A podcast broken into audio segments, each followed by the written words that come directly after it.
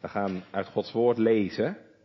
Johannes 4, vanaf vers 43 tot en met 54. Dus Johannes 4, 43 tot en met 54. Na de twee, en na de twee dagen ging hij vandaar en ging heen naar Galilea.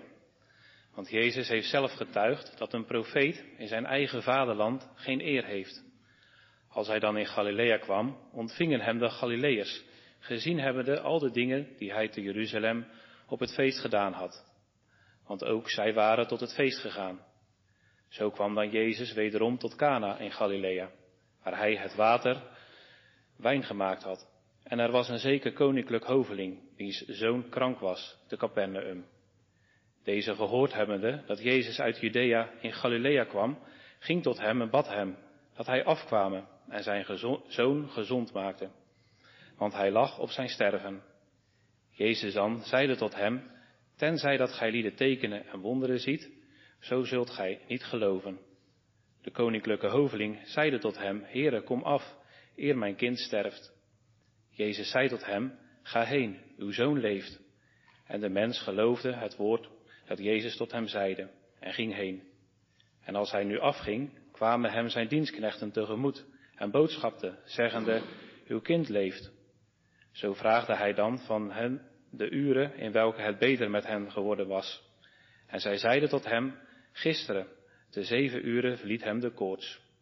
De vader bekende dan dat het op dezelfde uren was, in de welke Jezus tot hem gezegd had, uw zoon leeft. En hij geloofde zelf en zijn gehele huis.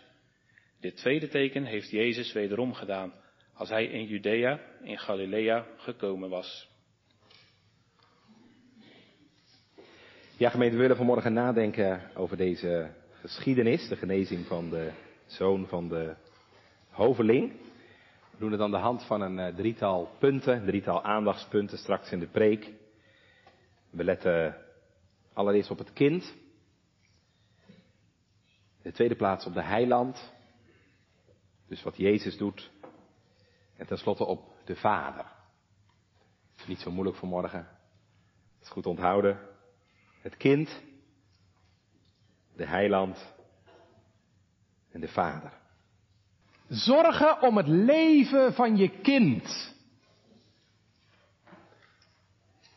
Er zijn vanmorgen ouders in de kerk die weten wat dat is. Zorgen om het leven van je kind. Dat is wel zo'n beetje het ergste wat je als ouder kunt meemaken.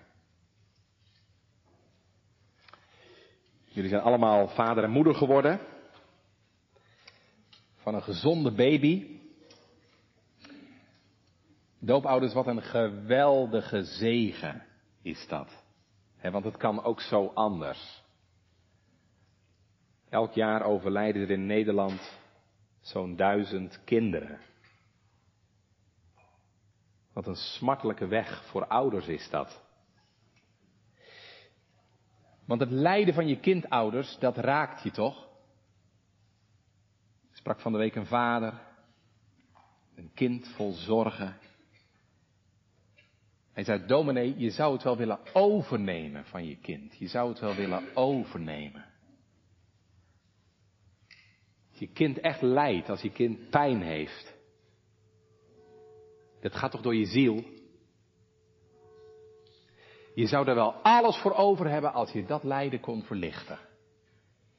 Je zou wel naar de andere kant van Nederland willen gaan als er een arts was die je helpen kon. Nou, doopouders, zo was het ook bij deze vader.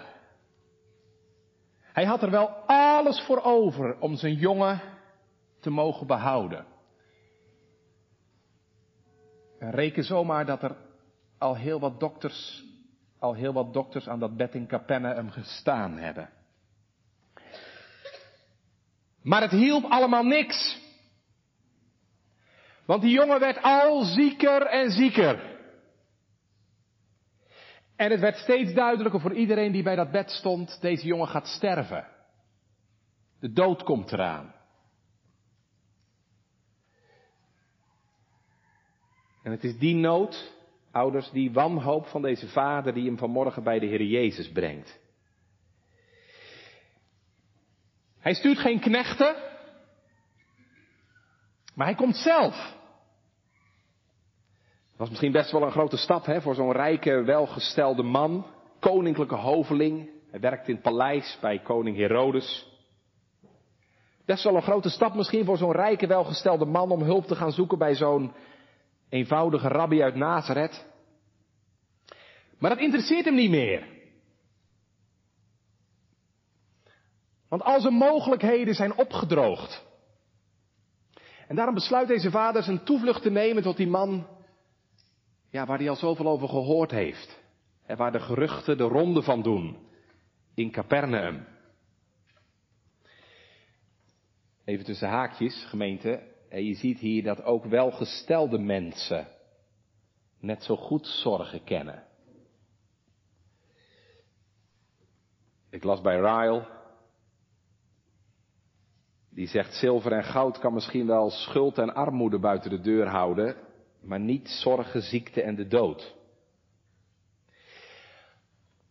Welgestelde ouders zijn net zo goed radeloos als hun kind iets overkomt. En toch gemeente zullen vanmorgen gaan zien dat dit een gezegend kruis was. Ja, hoe moeilijk en hoe zwaar het misschien ook was, elk kruis dat je uitdrijft tot Jezus is uiteindelijk een gezegend kruis. En dat is het ook voor deze man geworden, hè, want we lezen straks in vers 53. En hij geloofde zelf en zijn gehele huis. Dus beproeving gemeente en zorg dat kan ook een medicijn zijn hè. En natuurlijk, we hoeven pijn en ziekte niet te begeren. Gezondheid is een grote zegen, zegt Ryle. Maar zegt hij, een geheiligde ziekte is een nog grotere zegen. En dat is waar. Een geheiligde ziekte is een nog grotere zegen. Ik zal nooit die man vergeten die ik tegenkwam in Nijkerk. Die terugkwam uit het ziekenhuis. Op de rand van de dood gelegen. En ik moest hem bezoeken. En toen ik aan hem vroeg, wat heeft het met u gedaan? Wat heeft het met u gedaan? Antwoordde die dominee dat ik nu mag zeggen, mijn verlosser leeft. Ik zeg, kon u dat daarvoor dan niet zeggen? Nee, zegt hij, daarvoor niet, maar nu wel. Hoeveel zullen er niet zijn op de laatste dag, die het mogen beleiden met de psalmdichter, het is goed voor mij, verdrukt te zijn geweest. Maar ja, dat wist deze vader allemaal natuurlijk nog niet. Het enige wat hij weet is dat zijn kind stervend is. En gemeente, dat moet natuurlijk wel een hele grote nood zijn, toch? Om je stervende kind achter te laten en 25 kilometer verderop hulp te gaan zoeken. Want dat is de afstand tussen Cana en Capernaum, 25 kilometer. En dan gaat hij, rennend. Zien we hem gaan langs de wegen en dan staat hij straks hijgend voor de Heer Jezus. En dan lezen we, lees maar even mee, vers 47. En bad Jezus dat hij afkwamen en zijn zoon gezond maakte, want hij lag op sterven. En dan is natuurlijk de vraag, wat gaat Jezus doen? Hoe zal hij reageren? Gaat het net als bij die hoofdman? Hè, die hoofdman die ook uit Capernaum kwam met die zieke knecht. Waar Jezus zei, ik zal komen en hem genezen. Nou nee, het gaat hier heel anders. Want gemeente, in plaats van dat Jezus meegaat, of zelfs maar zijn meeleven en meelijden met deze vader betoont, begint de Heer Jezus met een berisping. Met een vermaning.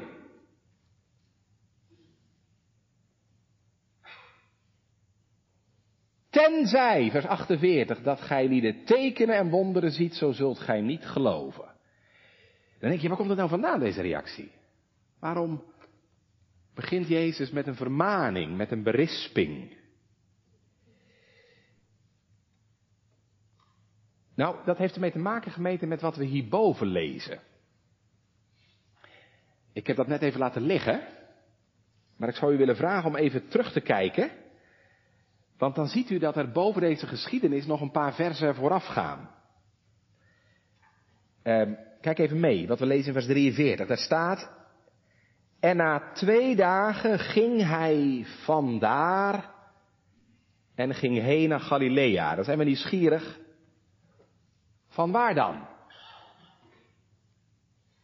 Nou, dat kunt u hier voorlezen in vers 40. Vanuit Samaria. Bij de Samaritanen vandaan.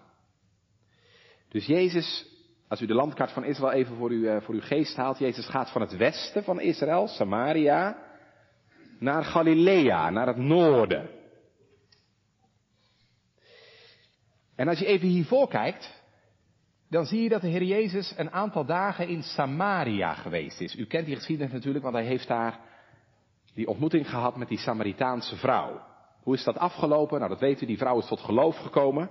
En niet alleen die vrouw, maar ook vele anderen. Want kijk eens even wat we lezen in vers 41 en 42. Daar staat, en er geloofde er veel meer om zijn woords wil. En ze zeiden tot de vrouw, wij geloven niet meer om uw zeggens wil, want wij zelf hebben hem gehoord en weten dat deze waarlijk is de Christus, de zaligmaker der wereld. Dat is een hele gezegende tijd geweest, die dagen in Samaria. Een gezegende tijd voor de Samaritanen natuurlijk, die tot geloof kwamen. Maar ook voor de Heer Jezus zelf, wat een bemoediging. Om zoveel mensen tot geloof te zien komen in Samaria. Nou, en dan gaat hij dus weer terug naar Galilea. Galilea is zijn thuisbasis. Het gebied waar Jezus opgegroeid is.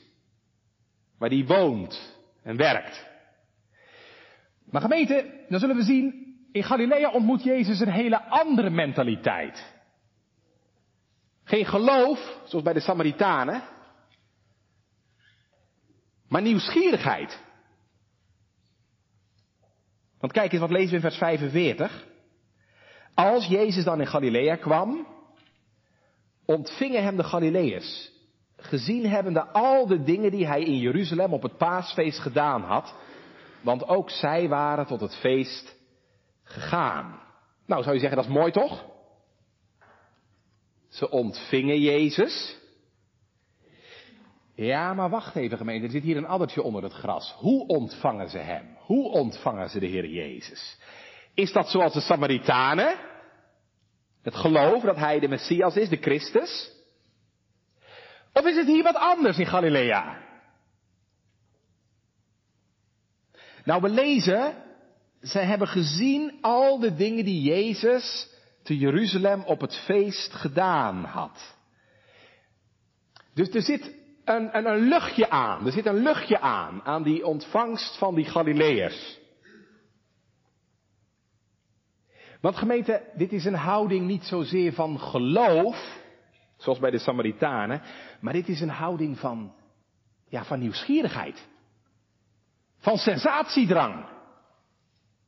Zou hij bij ons ook van die bijzondere dingen doen? Zou hij bij ons ook van die spectaculaire dingen doen die hij in Jeruzalem gedaan heeft?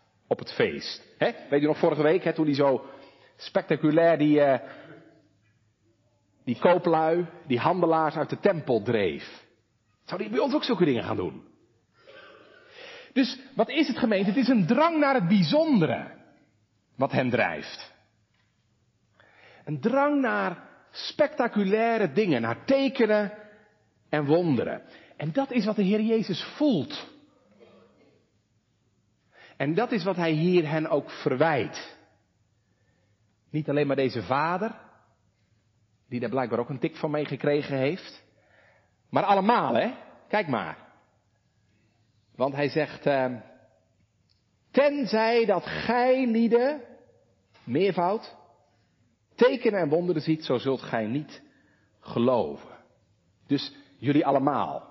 Die vader, maar de rest net zo goed. Dus wat is nou het probleem? Deze mensen zijn dus geïnteresseerd, gemeente, in de Heer Jezus niet zozeer vanwege Hemzelf, vanwege wie Hij is, maar vanwege de tekenen die Hij doet. Ze zien Jezus dus, zou je kunnen zeggen, als een interessante wonderdoener. Hij moet nodig maar eens wat laten zien. Ja, die mensen heb je nog steeds, hè? Die mensen kom je tegen in de wereld. Hè, die zeggen dan, ja, als er een God is, nou, laat hij dan maar eens wat zien. Hè, dan zullen we misschien gaan geloven. Dan heb je van die mensen die tegen de hemel roepen, die, die tegen God roepen. Als u er nou echt bent, laat dan nu op dit moment de bliksem neerdalen. Nou ja, gebeurt natuurlijk niks. Zegt ze, zie je wel? Zie je wel dat er geen God is? Maar gemeente, die houding kom je niet alleen maar bij mensen in de wereld tegen, die houding kom je net zo goed tegen bij mensen in de kerk. Ik zal een voorbeeld noemen. We, zitten in de problemen. En we verlangen natuurlijk naar een oplossing. En we bidden, Heer, wilt u uitkomst geven? Maar als dan de Heer het niet zo doet als wij het hadden gedacht en voorgesteld, dan worden we boos. Dan raken we, als we niet oppassen, verbitterd. Nou gemeente, zo was het nou ook bij deze vader. In eerste instantie. Die vader heeft maar één verlangen. één doel. En dat is dat zijn kind beter wordt. En als de dokter hem daarbij kan helpen, prima. En als Jezus hem daarbij kan helpen, prima. Maar het gaat hem niet om Jezus zelf. Hij ziet Jezus gemeente als een, ja, laat ik het zo maar zeggen, als een probleemoplosser. Weet u dat nog twee weken geleden? Bij Maria zagen we dat ook, hè, bij de bruiloft in Cana. De, de wijn is op. Wil je het even niet oplossen? Maar dan gebruiken we gemeente de Heer Jezus als een middel om ons doel te bereiken. Ja, hoe vaak is dat niet het geval, hè? Dat we de Heere gebruiken als een middel voor ons doel. Heere, wilt u me beter maken? Wilt u mijn kind beter maken? Heere, wilt u me verlossen van mijn financiële problemen? En gemeente, dat kan de Heer Jezus natuurlijk. En hij is vaak nog gewillig ook om dat te doen ook. Maar gemeente, wat wij moeten leren, en dat is heel belangrijk, is dat Jezus geen middel is om ons doel te bereiken. Maar dat Hij zelf het doel is. Toch? Daar gaat het toch om? In de Bijbel, in het geloof. Dit is het eeuwige leven dat ze u kennen en Jezus Christus die gij gezonden hebt. Dat is het eeuwige leven. Dat is het doel van ons leven. Dat we de Heere zo leren kennen. En ik moet leren, en jij ook, om onze doelen altijd ondergeschikt te maken aan die van Hem. Dat je leert zeggen, Heere, wat U doet is goed. Niet mijn wil, maar uw wil geschieden. Want misschien had jij die ziekte wel nodig om dichter bij de Heere te komen. Of die ziekte van je kind. Of die financiële zorgen. Misschien had je het wel nodig. Nou, hier zien we dus wat het probleem is wat Jezus aankaart bij deze man. Deze man gebruikt Jezus als een middel om zijn doel te bereiken. Dat is natuurlijk heel begrijpelijk aan de ene kant, want wie wil nou zijn kind verliezen? En toch is het niet een goede insteek. Want Jezus is geen middel om ons doel te bereiken. Hij is zelf het doel. Daar gaat het om, dat wij Hem leren kennen. En daarom gaat Jezus niet in op dit verzoek. Want doopouders, hij wil deze vader iets leren. Wat wil hij hem leren? Twee dingen. Hij wil hem leren wie Jezus is. En hij wil deze man leren dat hij moet leven door het geloof. Dat hij dus niet moet leven bij tekenen en wonderen, maar dat hij moet leven door het geloof. Dat is wat de Heer deze man wil leren. Ik loop dat even kort met, met u langs. In de eerste plaats gaat de Heer hem leren wie hij is. Wie is Jezus dan? Nou, dat zullen we zo meteen gaan zien. Lees maar even mee, vers 50, wat Jezus zegt. En Jezus zei tot hem, ga heen, uw zoon leeft. Onvoorstelbaar. Eén woord gemeente. En dit kind is beter. 25 kilometer verderop. Eén woord van Jezus is genoeg om dit kind in het leven te bewaren.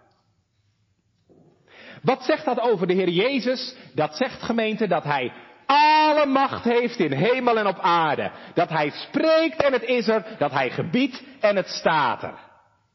Dat zien we steeds weer, hè? In de Bijbel. Als de Heere iets zegt, dat het ook gebeurt. Denk maar aan die verlamde man, hè? Zoon, wees welgemoed, uw zonden zijn u vergeven. En het gebeurt. Of Lazarus, kom uit. En Lazarus komt uit het graf. Nou, dat is het eerste wat hij deze vader leert. Wie Jezus is. De almachtige zoon van God. En het tweede wat hij deze vader leert, is dat Jezus leven geeft. Je ziet hier gemeente dat het de Heer Jezus is die het verschil maakt tussen leven en dood. Het is door Hem dat dit kind weer gaat leven. En dat is het tweede wat hij deze vader leert. Jezus is het verschil tussen leven en dood. Want Hij is het leven en Hij geeft het leven. En lieve ouders, dat moeten wij ook weten, hè? Want wij hebben ook een kind. Een kind in nood. Wist je dat?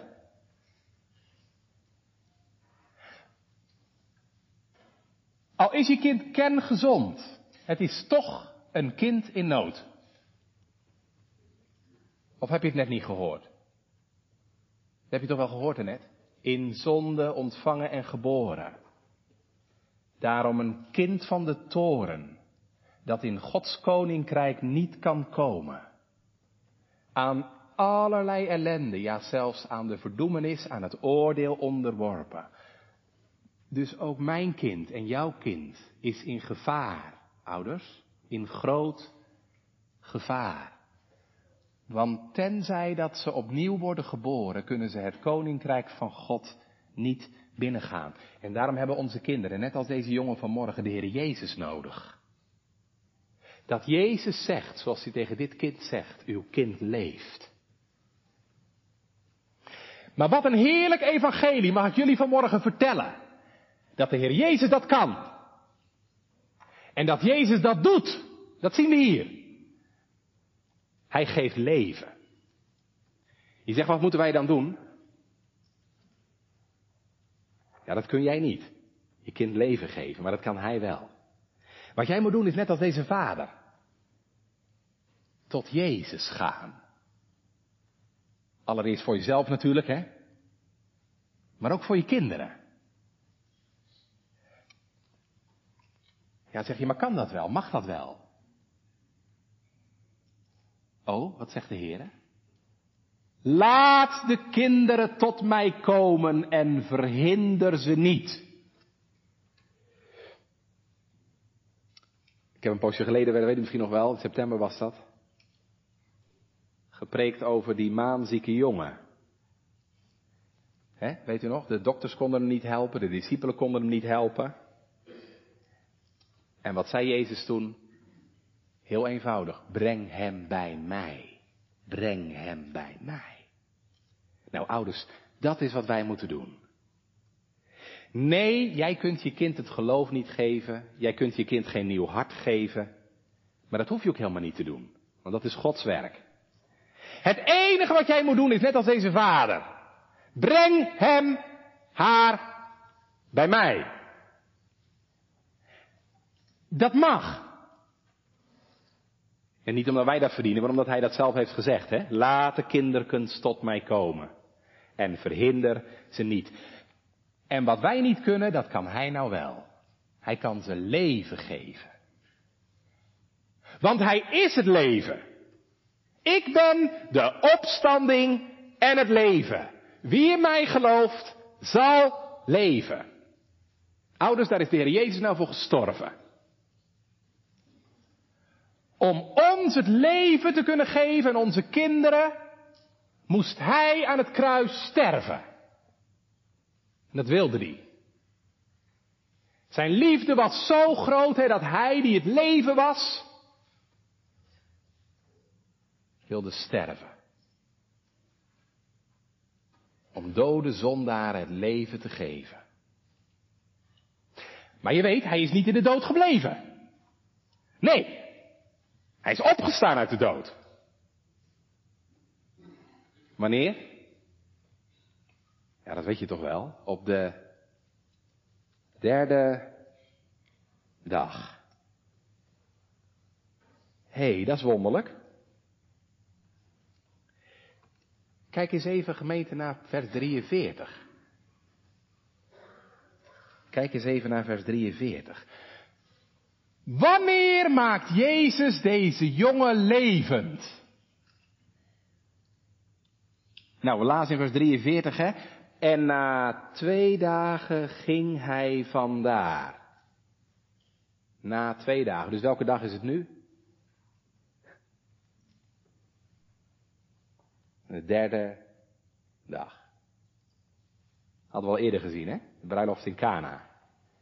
Op de derde dag was er een bruiloft in Cana. Nou, hier zie je het weer.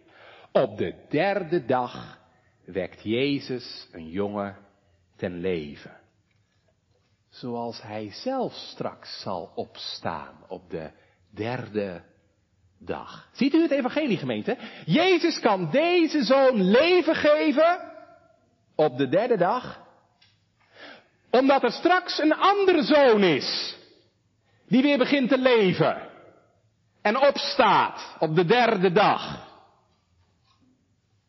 Dat is het geheim gemeente van deze genezing. En van alle kinderen die tot leven mogen komen. Omdat Hij de opstanding en het leven is. Daarom kan Jezus dit kind leven geven. En kan die doopouders ook jouw kind het leven geven. En je ziet het hier. Hij hoeft maar één woord te spreken en het gebeurt. Hij spreekt en het is er. Hij gebiedt en het staat er. Wat is het evangelie rijk en krachtig gemeente?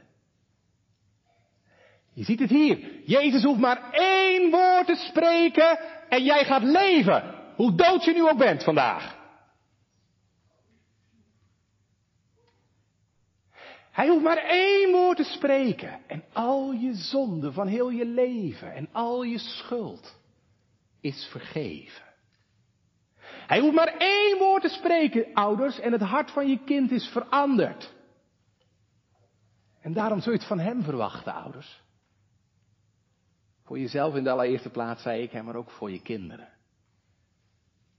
Heere, spreek slechts één woord. En mijn kind zal leven. En ik zal leven. Daar gaat het om, hè? Dat je het van Hem gaat verwachten. Alleen nog maar van Hem. En van Zijn woord. Kijk, en dat was wat deze vader moest leren. Dat is onze laatste gedachte. Gekeken naar het kind. Hebben gekeken naar de heiland. Hij is de almachtige zoon van God die het leven geeft. Letten we tenslotte nog op die vader. Ja, wat een beproeving voor die man, gemeente. Want ja, hij is helemaal naar Cana toegekomen met het idee dat Jezus met hem mee zou gaan naar zijn huis, naar het bed van zijn zieke kind. Maar Jezus gaat helemaal niet mee. En Jezus geeft niks mee. Het enige wat die man krijgt, is dat kale woord. Ga heen, uw zoon leeft. En daar kan hij mee doen. En de grote vraag is natuurlijk, kan hij het daarmee doen? Kan hij het daarmee doen? Met dat woord van Jezus. Heeft deze vader genoeg aan het woord, aan de toezegging, aan de belofte van Jezus? Uw zoon leeft. En dat is ook gemeente de grote vraag voor jou en u. Heb jij genoeg aan het woord van Jezus? Heeft u genoeg aan het woord, aan de toezegging, aan de belofte van Jezus? Dat is altijd weer waar het om gaat. Geloof je wat de Heere zegt of niet? Heb je genoeg aan zijn woord of niet? Die vader had natuurlijk kunnen denken, doopouders. Ja, als ik nou even zou kunnen zien dat mijn kind beter is, dan zou ik het geloven. Of als ik nou een heel sterk gevoel van binnen had dat hij echt leeft, dan zou ik het wel geloven. Maar gemeente, dat gebeurde niet, hè? Deze man zag niks en hij voelde niks. Het enige wat hij had was dat naakte woord. Uw zoon leeft.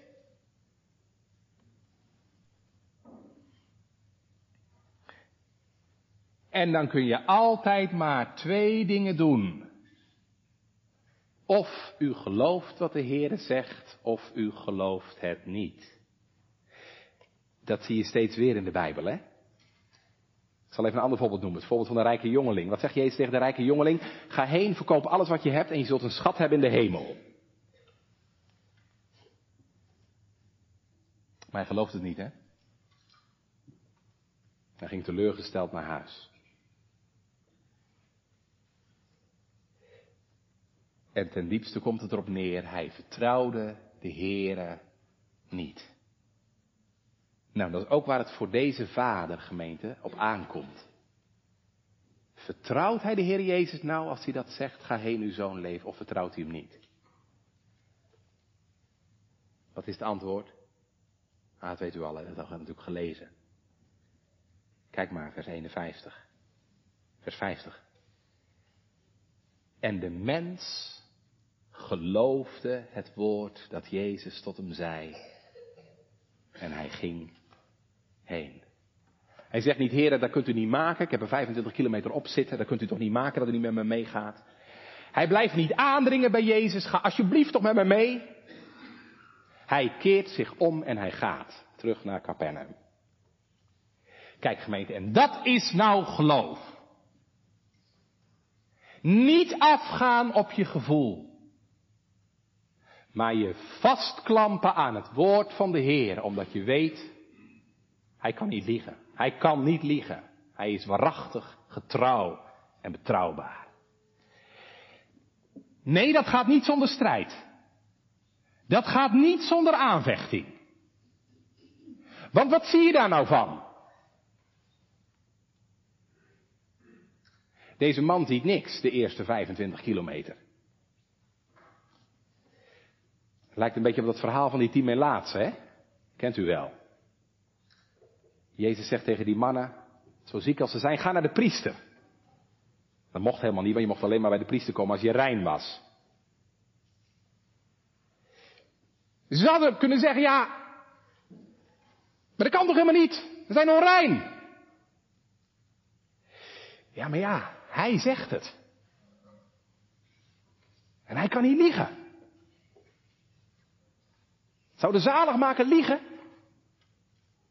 En dan zie je het, hè, gaandeweg gebeurt het wonder. gaandeweg worden die tien Melaatsen allemaal genezen. Of denk even aan Naaman in het Oude Testament, hè? Wat zei Elia? Was je zeven keer in de Jordaan? Ja, kan toch niet waar zijn? Kan toch niet waar zijn dat ik genezen word door me te gaan wassen in die stomme Jordaan? En toch gebeurde het, hè? Nee, dat gaat niet zonder strijd. Dat gaat niet zonder aanvechting.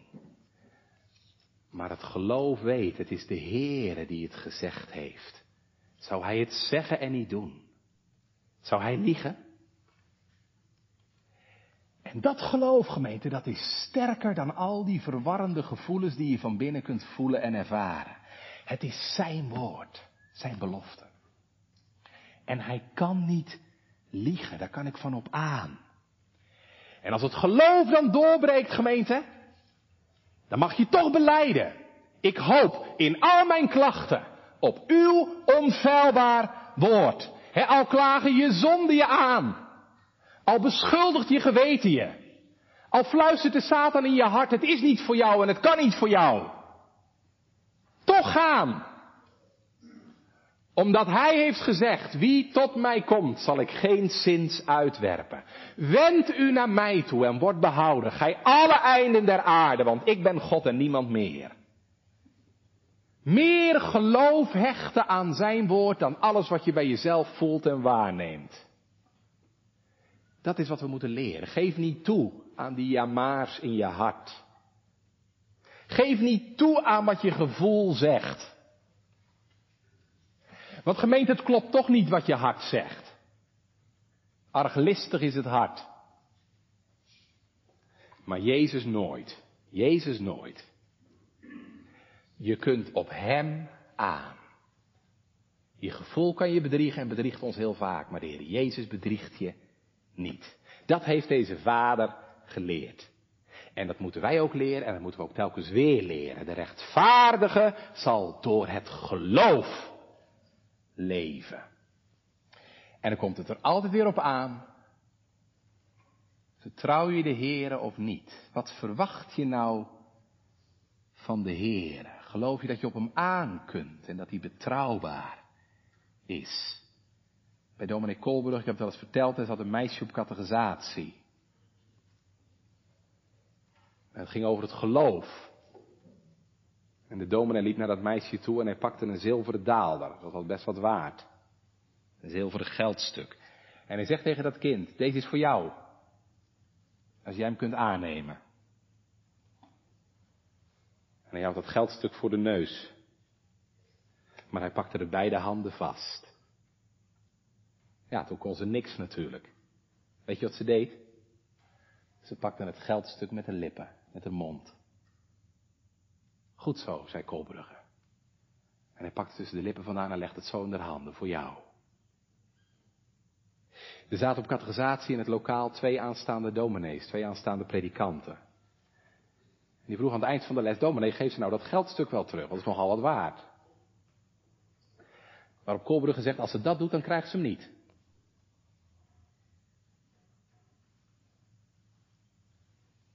Als zij dat geldstuk terug zou brengen, zou blijken dat ze de dominee niet vertrouwden. Maar ze vertrouwden hem wel en ze mochten met het geldstuk naar huis. Hij had het immers gezegd. Het is voor jou. En gemeente, daar hangt ons leven van af. Van dat geloof hangt uw leven af. De rechtvaardige zal door het geloof leven. Maar diezelfde Bijbel zegt ook vanmorgen gemeente, zonder geloof is het onmogelijk om God te behagen. En de profeet Jezaja zegt, indien u niet gelooft, zult u niet bevestigd worden. Daar hangt dus uw eeuwige toekomst van af. Ik zeg het een beetje ouderwets vanmorgen, eeuwig wel en eeuwig wee. Zo cruciaal is dat. En lieve gemeente, dan is er maar één manier om dat eeuwig weten te ontkomen. En dan is er maar één manier waarop het voor u en jou eeuwig wel is. En dat is geloof, zijn heil en troostrijk woord. Doe wat hij zegt. Al lijkt het voor je gevoel nog zo onmogelijk. Doe wat hij zegt. Al gaat het soms tegen alles in. Geloof je dat hij de waarheid spreekt? Geloof je dat hij niet liegt? Ik weet het, het klinkt zo onmogelijk voor ons. Hè? Bekeer u en geloof het evangelie. Dominee, kan ik helemaal niet. Als ik eerlijk ben, wil ik niet eens. Mijn zoon, geef mij uw hart. Heer, dat durf ik helemaal niet, want het is zo vuil en zondig. Ik schaam me. Ja, maar het gaat wel om je leven. Als je het niet doet, als je niet komt, gaat u verloren. Want zonder geloof is het onmogelijk om God te behagen. En gemeente, dat vraag ik me ook af. Mag dat andere dan wel, hè? Mag dat andere dan wel? Mag je dan wel ongelovig zijn? Mag je dan wel Gods woord heel je leven naast je neerleggen? Gods roepstem verwerpen? Mag dat dan wel? Kunt u daar dan wel mee leven? Of zeg je, dat kan ik niet meer? Dat wil ik niet meer. Dat durf je niet meer. Omdat het de Heere is die spreekt.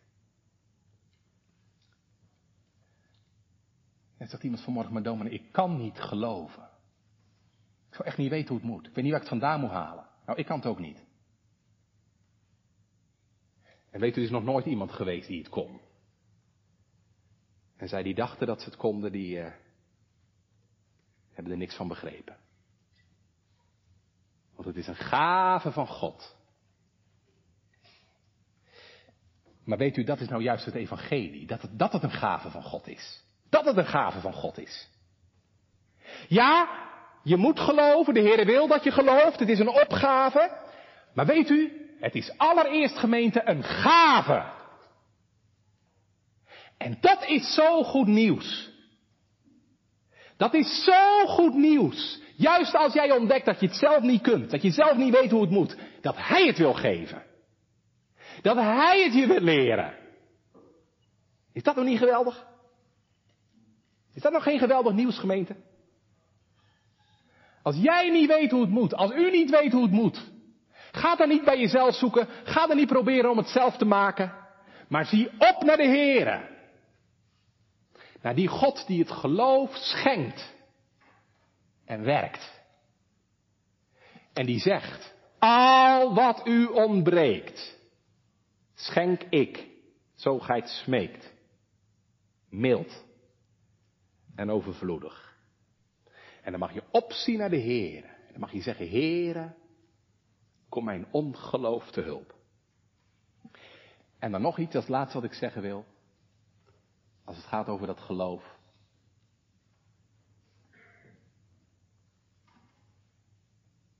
U bent gedoopt, hè? Je bent gedoopt. Je mag je hand op je voorhoofd leggen. En je mag zeggen, Heer, u hebt het beloofd.